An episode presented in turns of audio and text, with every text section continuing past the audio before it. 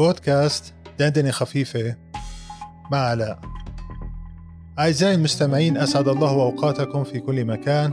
أهلا بكم في حلقة جديدة. إلى من سألني عن السعادة. من الصعب جدا أن نتوصل إلى تعريف موحد للسعادة يتفق الجميع عليه. فكل لديه تعريف خاص يختلف باختلاف خلفيته الاجتماعية والدينية والتعليمية. فعند الإمام الغزالي تكمن السعادة واللذة عند بني آدم بمعرفة الله عز وجل. أما عند هنري ثورو الفيلسوف الأمريكي المعروف فهي كالفراشة كلما لحقتها تملصت منك. لكن إن منحت اهتمامك لأمور أخرى فستجدها تحط بهدوء على كتفيك. أما عند أرسطو فالسعادة هي هبة من الله تعالى. ولقد قسمها أرسطو إلى خمسة أبعاد وهي الصحة البدنية والحصول على ثروة مادية وحسن تدبير هذه الثروة وسلامة العقل والسمعة الحسنة وسلامة العقيدة والاعتقاد. أما في اعتقادي فالسعادة هي شعور لحظي تنفصل فيه بمداركك عن الزمان والمكان. تشعر كأنك بنشوة ليست كأي نشوة قد تحصل عليه من مادة مخدرة. هي شعور روحي آني يتلاشى ويتوارى بسرعة خاطفة. لا يتبقى منها إلا ذكريات مقطعة. تذكرك بمدى حاجتك لهكذا شعور لتستمر بهذه الحياة. السعادة باعتقادي هي اللحظة حين يمتد منك حبل نور كثيف وتتصل بروحك فجأة بكل حيواتك السابقة.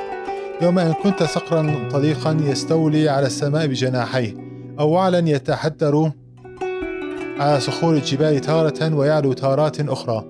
يوم أن كنت شجرة ضاربة الجذور ممتدة الفروع والأغصان. أو شهابا يشق سواد الكون ويطفي صفحات الوجود.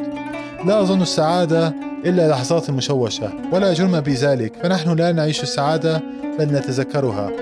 السعادة عرض عابر حالة هشة شعور قلق لا يستحق العناء. كم خزت الناس حتى سببت مرضا يعرف بالخوف من السعادة. أما الأحزان من الجهة الأخرى فإنها الحالة الأصيلة والشعور الثابت المستقر. الشيء الذي لا تخشى منه تحولا ولا رحيلا. أرى للمرء أن يروض نفسه على الأحزان وأن يكف نفسه عن التشوق للسعادة. سيجد أن الحزن سيعيد إليه حالة الاتزان والسكينة. سيستطيع أن يكون أكثر نشاطا وتوثبا إلى أهدافه. سيكون في مأمن من بغتات الحزن فإن بغتاته تسقط أقوى الرجال. لا تشاغب الأحزان بل تصالح معها. اشتق لك منها فلسفة خاصة. وأدمن تأملها ومراجعتها. صاحب الأحزان وثق بها فقد أثبتت أنها أدوم مصاحبة وأكثر وفاء من السعادة. والآن لابد من قصة خفيفة نختم بها حلقتنا. قيل أن سيف الدولة الحمداني أراد أن يستطلع أحوال جيش الروم فأحضر رجلا فصيحا في اللغة العربية وأرسله لكي يستعلم عن الروم. وبعد أن جمع معلومات عنهم اكتشف أمره. وقبضوا عليه وعلموا أنه جاسوس للمسلمين. فأرادوا أن يقتلوه فقال أحد قادتهم لماذا لا نجعله يكتب لهم رسالة؟ يذكر فيها أننا ضعفاء وأن لا يستعينوا بأحد فنكون قد انتصرنا. فما كان عليهم إلا أن ساندوا فكرته فرغموا الجاسوس على كتابة الرسالة فكتب إلى قائده قائلا عزيزي القائد أفيدكم أني ولله الحمد قد استرحت من العناء. كما أفيدكم أنكم الفئة الغالبة فلقد استضعفتهم بالنسبة إليكم سيدي. أكتب لك من القلب نصحت فدع ريبك ودع مهلك. فلما وصلت الرسالة إلى قائد المسلمين وقرأت عليه تذكر أن الرجل فصيح باللغة. ومن المستحيل أن يكون قد أخطأ بالتعبير من أول كلامه حين قال عزيز القائد. إذ أنه كان من المطلوب منه أن يكتب سيدي بدلا من عزيزي فعرف القائد حينها أن هناك محتوى غير مكتوب مبطن غير ظاهري. فتمعن في معنى الرسالة فأيقن أن المقصود من عبارة استرحت من العناء أي أنهم أمسكوا بي وحبسوني.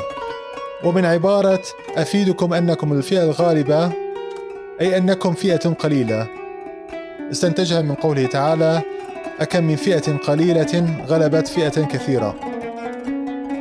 وأيقن من معنى أنهم آه، فلقد استضعفتهم بالنسبة إليكم أي أنهم ضعف عددكم.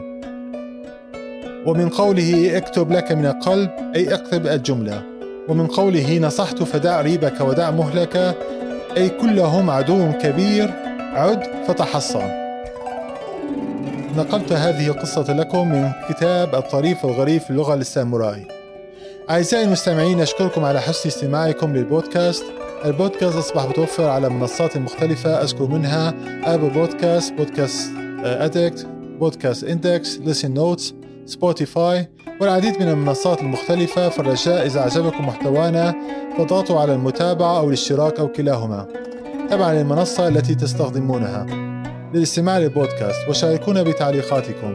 كما أن لدينا صفحة على تويتر يمكنكم الوصول إليها بالضغط على الرابط الموجود بوصف الحلقة.